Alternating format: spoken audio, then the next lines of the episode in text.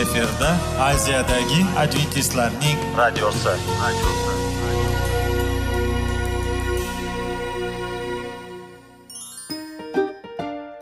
assalomu alaykum radio tinglovchimiz dasturimizga xush kelibsiz va bizni tinglayotganingizga sizdan judayam minnatdormiz bugungi bizning dasturimizning nomi sog'liq daqiqasi deb ataladi va biz sizlarga bu dasturda mevalarning foydasi haqida so'zlab bermoqchimiz ya'ni uning tarkibi uning tarixini va foydali xususiyatlari haqida.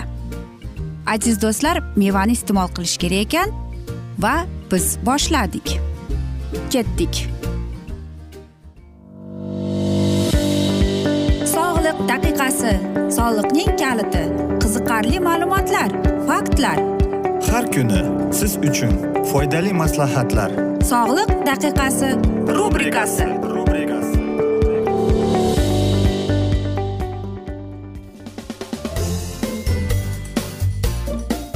assalomu alaykum aziz radio tinglovchilar. Dasturimizga xush kelibsiz va biz sizlar bilan tana va sog'liq degan dasturni o'qib eshittirayotgan edik.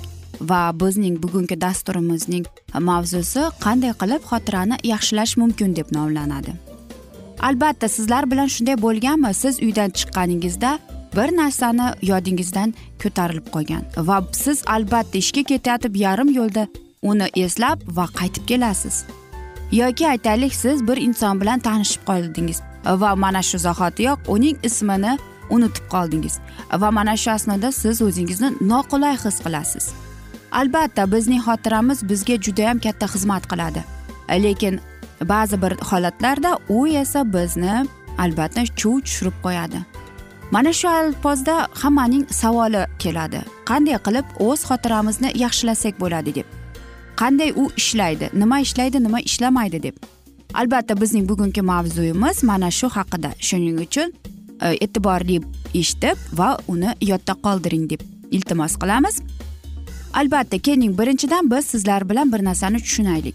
Bu xotira nima o'zi va u qanday ishlaydi?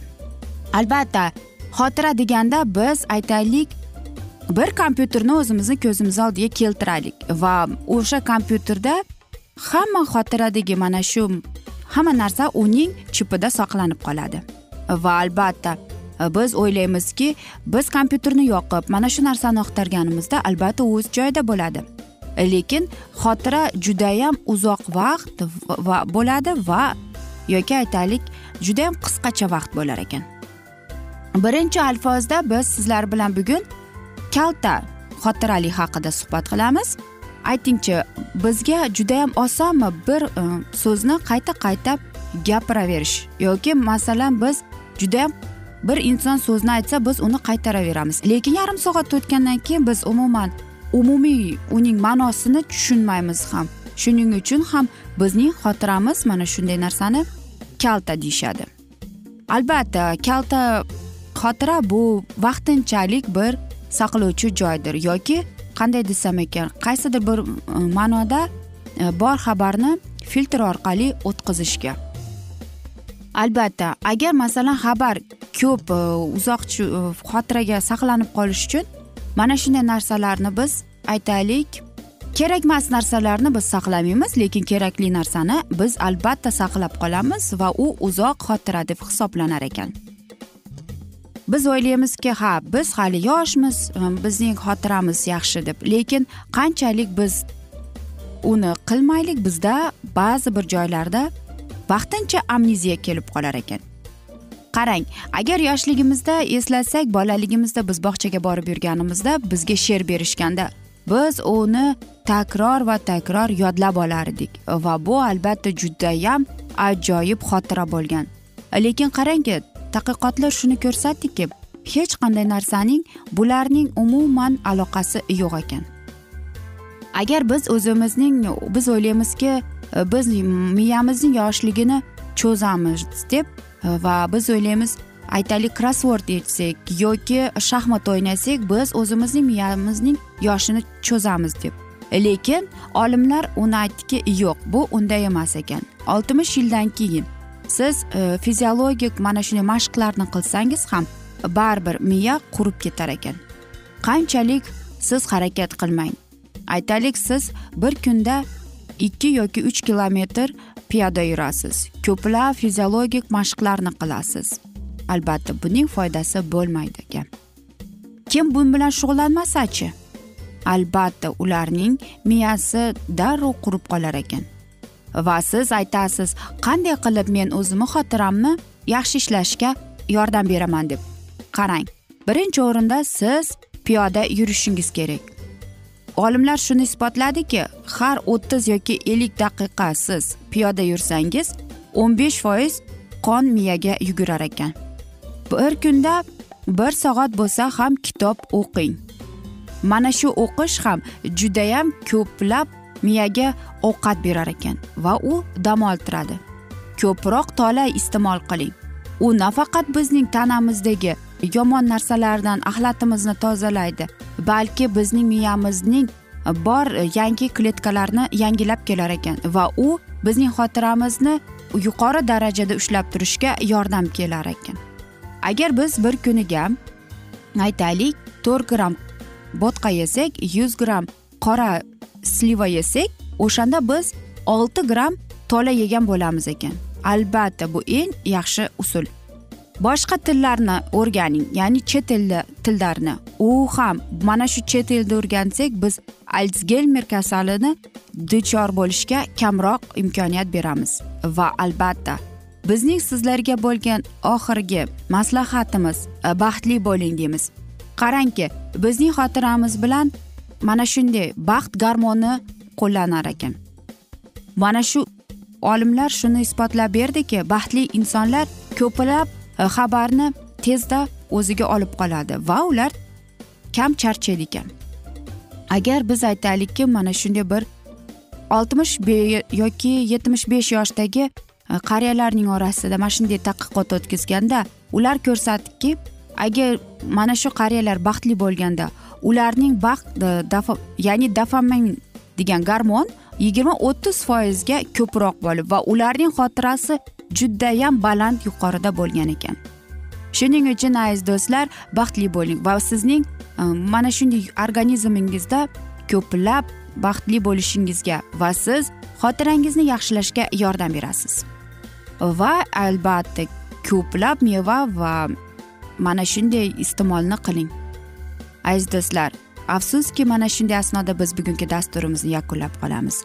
Ammo lekin sizlarda savollar tug'ilgan bo'lsa biz sizlarni salomat klub internet saytimizga taklif qilib qolamiz. Va albatta sizlarga va yaqinlaringizga tinchlik totuvlik va albatta sog'lik birinchi o'rinda tilab qolib yuzingizdan tabassum hech ham ayrimasin deb xayr sog' bo'ling deymiz.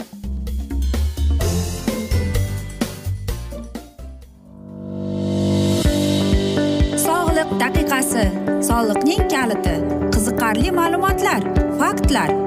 Har kuni siz uchun foydali maslahatlar. Sog'liq daqiqasi rubrikasi.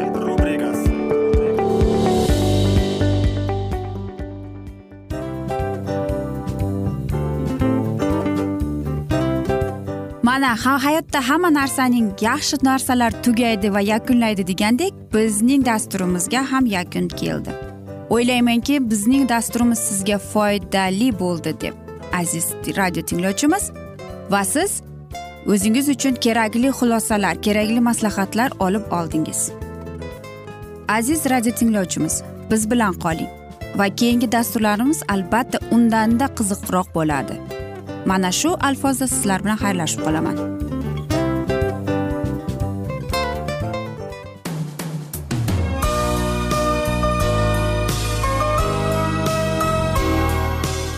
Efirda aziyadagi adventistlarning radiosi.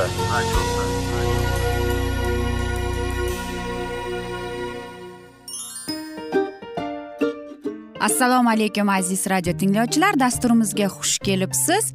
Va sizlarni bugun biz munosabatlar haqida sizlar bilan suhbat qurmoqchimiz. Ya'ni ikki sevishganlar to'g'risida yoki er xotinning o'rtasida bo'lgan munosabatlar haqida.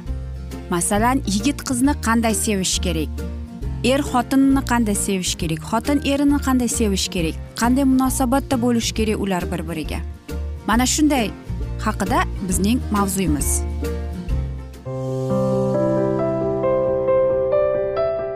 Har kuni har xil kasbdagi odamlar bilan sirlashish va bo'lishish sevgi rashq munosabat bularni hammasi izhori rubrikasida.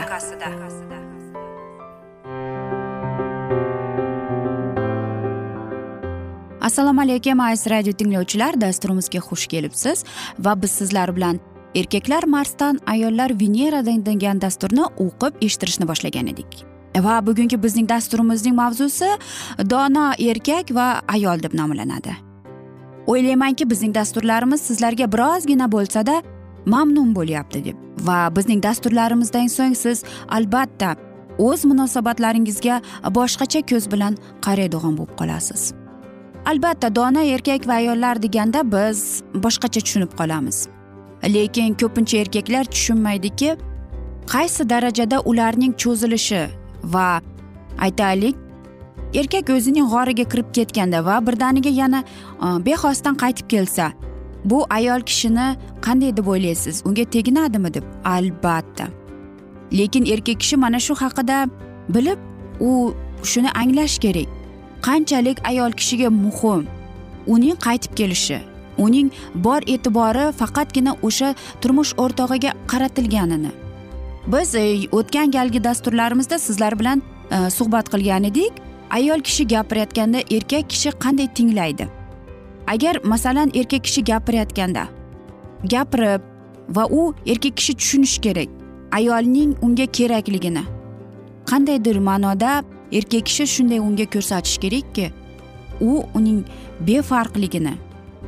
Dono erkak albatta o'zining mana shunday g'origa kirib ketganda albatta o'zi vaqt topish kerak. O'zining turmush o'rtog'i bilan suhbat qurish uchun. Nafaqat u undan qiziqish kerak kayfiyati qanaqa sog'lig'i qanaqa va mana shu asnoda u suhbatni boshlaydi. Ya'ni siz erkak kishi o'zining mana shunday muammosini chetga surib u o'zining ayoliga yordam beradi. Yordam berib masalan u aytishi mumkin menga birozgina vaqt kerak yolg'iz qolishim uchun. Keyin biz sen bilan o'zimizga kichkinagina bayram uyushtiramiz deb faqatgina ikkalamiz bo'lamiz deb. Hech kim va hech narsa bizga xalaqit bermaydi deb aytish kerak. Yoki aytish kerakki menga birozgina o'zimni g'orimga kirib o'zimga kelib olay. Bir ikki muammom bor. O'shani yechay keyin sen bilan bayram qilamiz deb. Va sen bilan mana shu mavzuda keyinroq gaplashamiz deb. Albatta u qaytib kelganda u tayyor bo'ladi ayol kishi bilan suhbat qurishga. E, hattoki ayol kishi balkim shu uni mana shunday muammosi nimadalikka harakat qilib ko'radi. Agar erkak kishi o'zi mana shuni aytgisi kelmasa u aytmaydi. Agar aytgisi kelib va tayyor bo'lsa u aytadi. U shunday javob berishi kerak aslida. Men o'zim ham bilmayman. Menga birozgina vaqt bu kerak bo'ldi men o'zimni tushunish uchun. Kel biz sen bilan hozir yana suhbatimizni davom ettiramiz deb. Dono erkak kishi biladiki uning turmush o'rtog'iga nima kerak? Albatta ayol kishiga nima kerak? Ularni tinglash uchun. E, va shunday tinglash kerakki aytaylik jimgina ha yo'q emas. Suhbatga u bilan qo'shilib uning kayfiyatini sog'lig'ini mana shu muammo qayerdan kelib chiqayotganini chunki ayol kishi faqatgina gapirganda o'z muammolarini yechadi.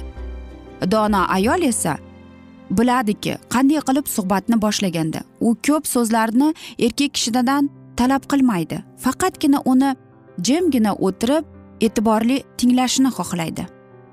Va mana shu narsa uni e, aytaylik erkak kishini majbur qilayotganini his qilmaslik kerak. Va albatta dono ayol o'zining e, ko'nglini ochganda undagi bo'layotgan hislari bilan bo'lishganda e, va uning sevgilisi mana xuddi mana shunday bo'lishini talab qiladi. Chunki ayol kishi bor kuchini e, bor jonini mana shu suhbatga beradi.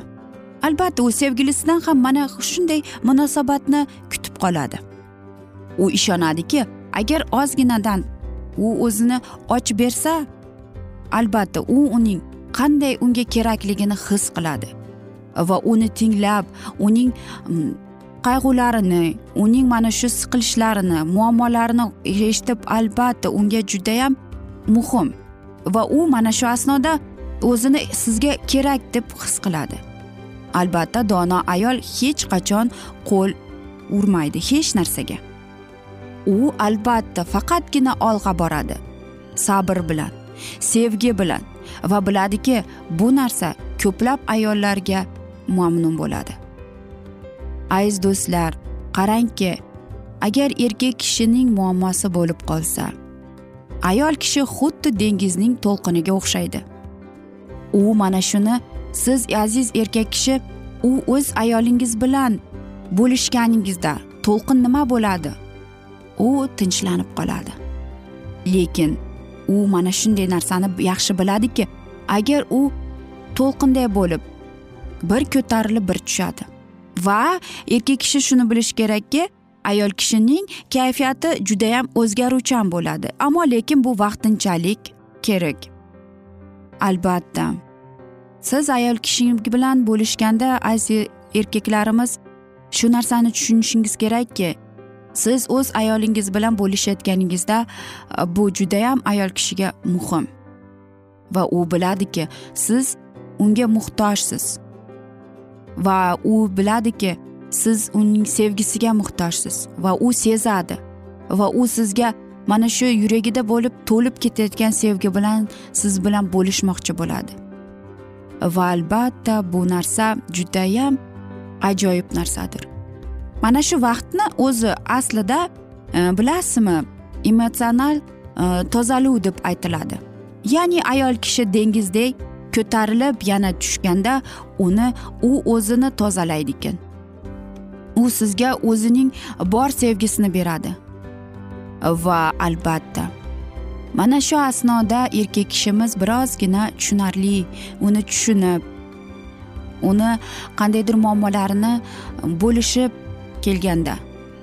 Siz uni tushunasiz u sizga o'z sevgisini hadya qiladi. O'zining aytaylik erkak kishi o'zini hurmat qilsa o'zining ayolini ham hurmat qiladi. Chunki ayol kishining kayfiyati xuddi dengizning to'lqiniga o'xshaydi. U bir ko'tarilib bir tushadi aziz do'stlar. Aziz erkaklarimiz albatta ayollarimizni gohida tushunmaysiz lekin ayol kishining shunday sevgisi bor. U beradi sevadi. Va u ko'p narsalarni tushunadi. Dono ayol qachon qayerda o'z erkagiga gapirishni biladi. Aziz do'stlar mana shunday go'zal asnoda biz bugungi dasturimizni afsuski yakunlab qolamiz chunki bizning dasturimizga vaqt birozgina chetlatilgani sababli. Ammo lekin bizni tark etmang chunki oldinda sizlarni bundanda qiziq bundanda foydali dasturlar kutib kelmoqdalar. Va albatta oxirida sizlarga aytmoqchimanki seving seviling deb xayr deb qolamiz.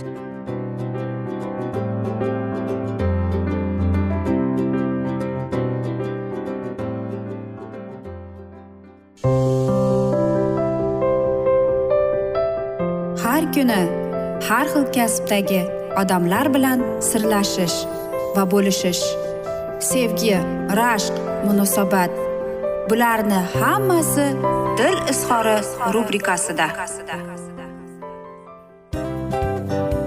Mana aziz radio tinglovchimiz bizning go'zal va foydali va chiroyli dasturimiz yakunlanib bormoqda. Sizlarga birozgina maslahat berib o'tmoqchi edik. Bir biringizni seving qadringizga yeting va erkalang albatta bir biringizni va sizga judayam chiroyli va mustahkam munosabatlar tilab qolamiz albatta.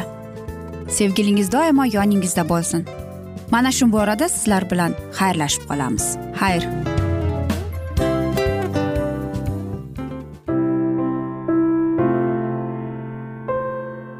Hayotning noni. Qiziqtirgan savollar va javoblar. Buning hammasi ko'ngil uchun ozuqa rubrikasida.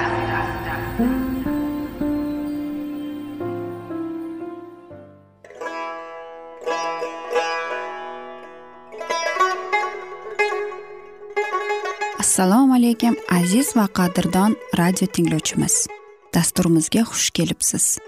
Bizni tanlaganingizga sizdan minnatdormiz.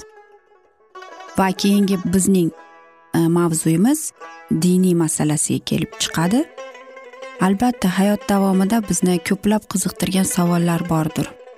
Va mana shu savollarga qayerdan javob olsam ekan deb o'ylanib chiqamiz. Yoki hayotning ma'nosi nimada deb o'ylanamiz. Mana shunday dasturlar o'ylaymanki siz sizga foyda bo'ladi deb. Aziz do'stlar e, bugungi bizning mavzuyimizning nomi vahiy kitobning ochilishi. Ya'ni bu muqaddas kitobda shunday deb yozilgan. Vahiy kitobning bizga bo'lgan buyuk sovg'asi deb. Albatta mana shunday kitobni eshitib quloq solib e'tiborli bo'lsak biz o'zimizning qiziqtirgan hayotning ma'nosini tushuntirgan bizni kelajakda nima kutayotganini mana shu kitobdan bilib olamiz albatta. Va xudoyim bizga qanday rejalar ochgan bizga qanday kelajak kutayotganini aynan mana shu kitobda yozilgan va bizga mana shu kitob orqali xudoyim bizga aytib bergan. Keling aziz do'stlar mana shu kitobni e'tiborli va yaxshilab quloq solib va chuqurroq nazar solaylik shu muqaddas kitobga. Assalomu alaykum aziz radio tinglovchilar. Dasturimizga xush kelibsiz va biz sizlar bilan ulug' kurash degan kitobni o'qib eshittirayotgan edik. Va bizning bugungi dasturimizning mavzusi fransiyada uyg'onish deb nomlanadi. Keling biz sizlar bilan o'tgan galgi dasturni bugun davom ettiramiz. Ko'pchilik gulxan alangasida haqiqatga sodiqligiga guvohlik berdilar. Bu kamtarin masihiylar tinchlik paytida aytilgan har qanday so'zdan ko'ra qatl qilinayotganlarida haqiqatga sodiqlarni baland ovozda va ishonchli vazlari bilan namoyon qildi. Masih haqida faqat kambag'al va oddiy odamlar azob uqubatlar hamda istezozlar orasida guvohlik berib qolmadilar. Bahaybat qallalarda shunday asl zodalar topilardiki ular haqiqatni o'zining boyligidan lavozimidan va hattoki hayotidan ham ustun qo'yardilar. Qirollik razmzlari episkoplarning mantiyasi va bosh kiyimidan ko'ra yanada yuksak va mustahkam ruhni sir tutardi. Lui de berken aslzodlardan kelib chiqqan edi. Jasur va xushmuomala bu odam ilm bilan shug'ullanar edi. Nihoyatda nozik tabiatli yuksak axloqli ritsar edi. U papachalarning eng ashaddiy tarafdori edi deb yozadi bir yozuvchi. E, jamoatxona xohiriga astodil qatnar. Vazlarni jon dili bilan tinglardi. Uning vaziyatlardan butun lyuter tarafdorlariga alohida nafrat bilan oshib borardi. Ammo boshqalar singari xudo vahiysining alohida g'amxo'rligi sababli muqaddas kitob bilan tanishib u shu qadar hayratda qoldiki unda rim aqidalarini emas lyuterning aqidalarini topdi. O'shandan boshlab u butunlay injilni bag'ishladi. Fransiyaning aslzoda odamlaridan eng bilimdoni buyuk notiq yuragida o'ti bor. Saroyda e'tiborli qirolning arzantlaridan berkinni ko'pchilik o'z vatanining munosib islohotchi bo'lishga da'vat qilingan deb hisoblardi. Beza u haqda shunday deb yozgan. Agar berkin fransisk birinchi qiyofasida ikkinchi badavlat saksonskiy topilganda edi u lyuter bo'lgan bo'lar edi. U lyuterdan ham battar deb dod voydod qilardilar papachilar. Ular ko'proq fransiyadagi rimning muxlislaridan qo'rqar edi. Berkni bidachilikda ayblab zindonga tashladilar ammo qirol uni ozod qildi. Bu kurash yillar davomida cho'zildi. Fransuz birinchisi rim va islohot o'rtasida ikkilanib dam rohiblarning ashadiy g'azabiga beparvo qarardi. Dam ularni bosib turardi. Papa hokimiyati berkinni uch marta qamoqqa tashladi. Har safar qirol uni chiqarib oldi. Bu odamning daholligiga va oliyjanobligiga asir bo'lgan qirol uni yovuzlashgan dindorlarning qo'lida qurbon bo'lishiga yo'l qo'ymadi. Berkni fransiyada tahdid solib turgan xavfdan himoya qilib ixtiyoriy quvg'inda o'ziga boshpana topganlardan namuna olishni maslahat berdilar. Zamonga va vaziyatga moslashadigan jur'atsiz erimizda olimlik huquqi borishligiga qaramay axloqiy ulug'liq etishmasdi u o'zining hayoti va sharafidan kechib haqiqatni himoya qilish uchun berkga ko'chadigan maktub yozdi. Iltimos seni yevropa mamlakatlaridan biriga elchi qilib jo'natsinlar yoki germaniya bo'ylab sayohatga ketgin. Bezani va unga o'xshaganlarni bilasan. U zahar chiqaradigan ming boshli maxluq. Isming dushmanlaringga laq laq lashkar agar sening ishlaring iso masihning ishlaridan ham to'g'ri bo'lganda edi ular seni o'ldirmaguncha tinchlanmaydilar. Qirolning himoyasi ekaniga judayam ishonaverma. Nima bo'lganda ham ilohot fakultetida mening obro'yimni to'kma. Xavf kuchayib boraverardi. Ammo bu vaziyat berkita jasoratni va hayratni oshirdi. U eramsning keluvchilik va xudbinlarcha maslahatini qabul qilishdan uzoq bo'lib yanada dadilroq kirishga harakat qildi. Berkin nafrat haqiqatni himoya qilishga balki xatolarni fosh qilishga tayyorlangan edi. Papachilar berkni bidatchilikda ayblaganlarida ularning boshiga diqqat qaratdi. Berkning eng ashaddiy dushmanlari mashhur parij universitetining ilohot bo'limidagi rohiblari va olimlari edilar. Ular butun mamlakatda diniy masalalar bo'yicha eng obro'li odamlar edilar. Berkin va ana shu islohotchilarning asarlaridan o'n ikkita parchani ko'chirib oldi va bu parchalar muqaddas kitobga tamomila qarshi shuningdek xurovatdan iborat ekanini oshkora e'lon qildi. Berkin qirolga murojaat etib bu bahsli masala hakam bo'lsangiz deb iltimos qildi. Monarx kurachchi tomonlarining kuchini va donoligini solishtirmoqchi bo'lib va takabbur o'ziga bino qo'ygan rohiblarni itoat ettirishdan xursand bo'lib katoliklardan muqaddas kitobga asoslangan holda o'zlaringizni himoya qilinglar deb talab qildi. Bu qurol ularga muvaffaqiyat keltira olmasligini o'zlari tushunardilar. Qamoq qiynoqlar va gulxan kabi vositalarni ular yaxshiroq egallagan edilar. Endi ularning roli aslo almashmadi. Ular o'zlarini jar yoqasida ko'rib turardilar. Aslida ular berkni ana shu jarlikka tashlamoqchi edilar.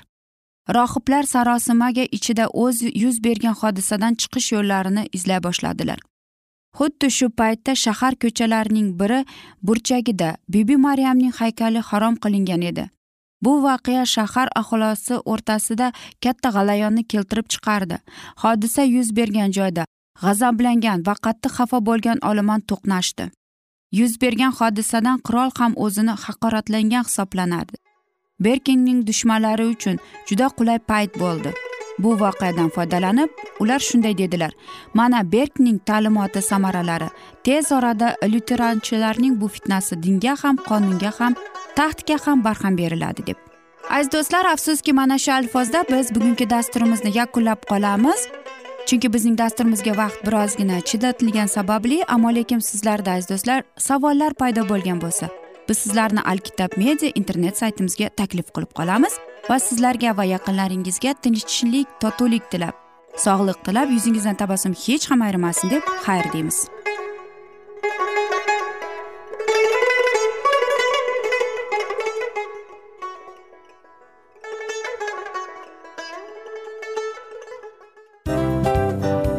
Hamma narsaning yakuni bo'ladi degandek afsuski bizning ham dasturlarimiz yakunlanib qolyapti. Va biz o'ylaymizki bizning dasturimizdan o'zingiz uchun kerakli va foydali maslahatlar olib oldingiz. Sog'liq borasida sizga foydali maslahat berganmiz deb umid qilaman albatta. Va sizlarga mana shu borada sog'liq tilab qolaman. Munosabatlarga kelganda esa sizlarga sevgi omad va albatta yaxshi munosabatlar tilab qolamiz. Uchinchisiga kelganda esa bu juda chuqur va e'tiborli nazarni qumsaydi. Va sizlarga mana shu yaxshilik kayfiyatda sizni kayfiyatingizni ko'targan holda sizlar bilan xayrlashib qolaman afsuski. Ammo lekin keyingi dasturlarimiz undanda qiziq bo'ladi. Va siz biz bilan bo'ling. Bizni tanlaganingiz uchun sizlarga rahmat. Omad sizlarga. Xayr.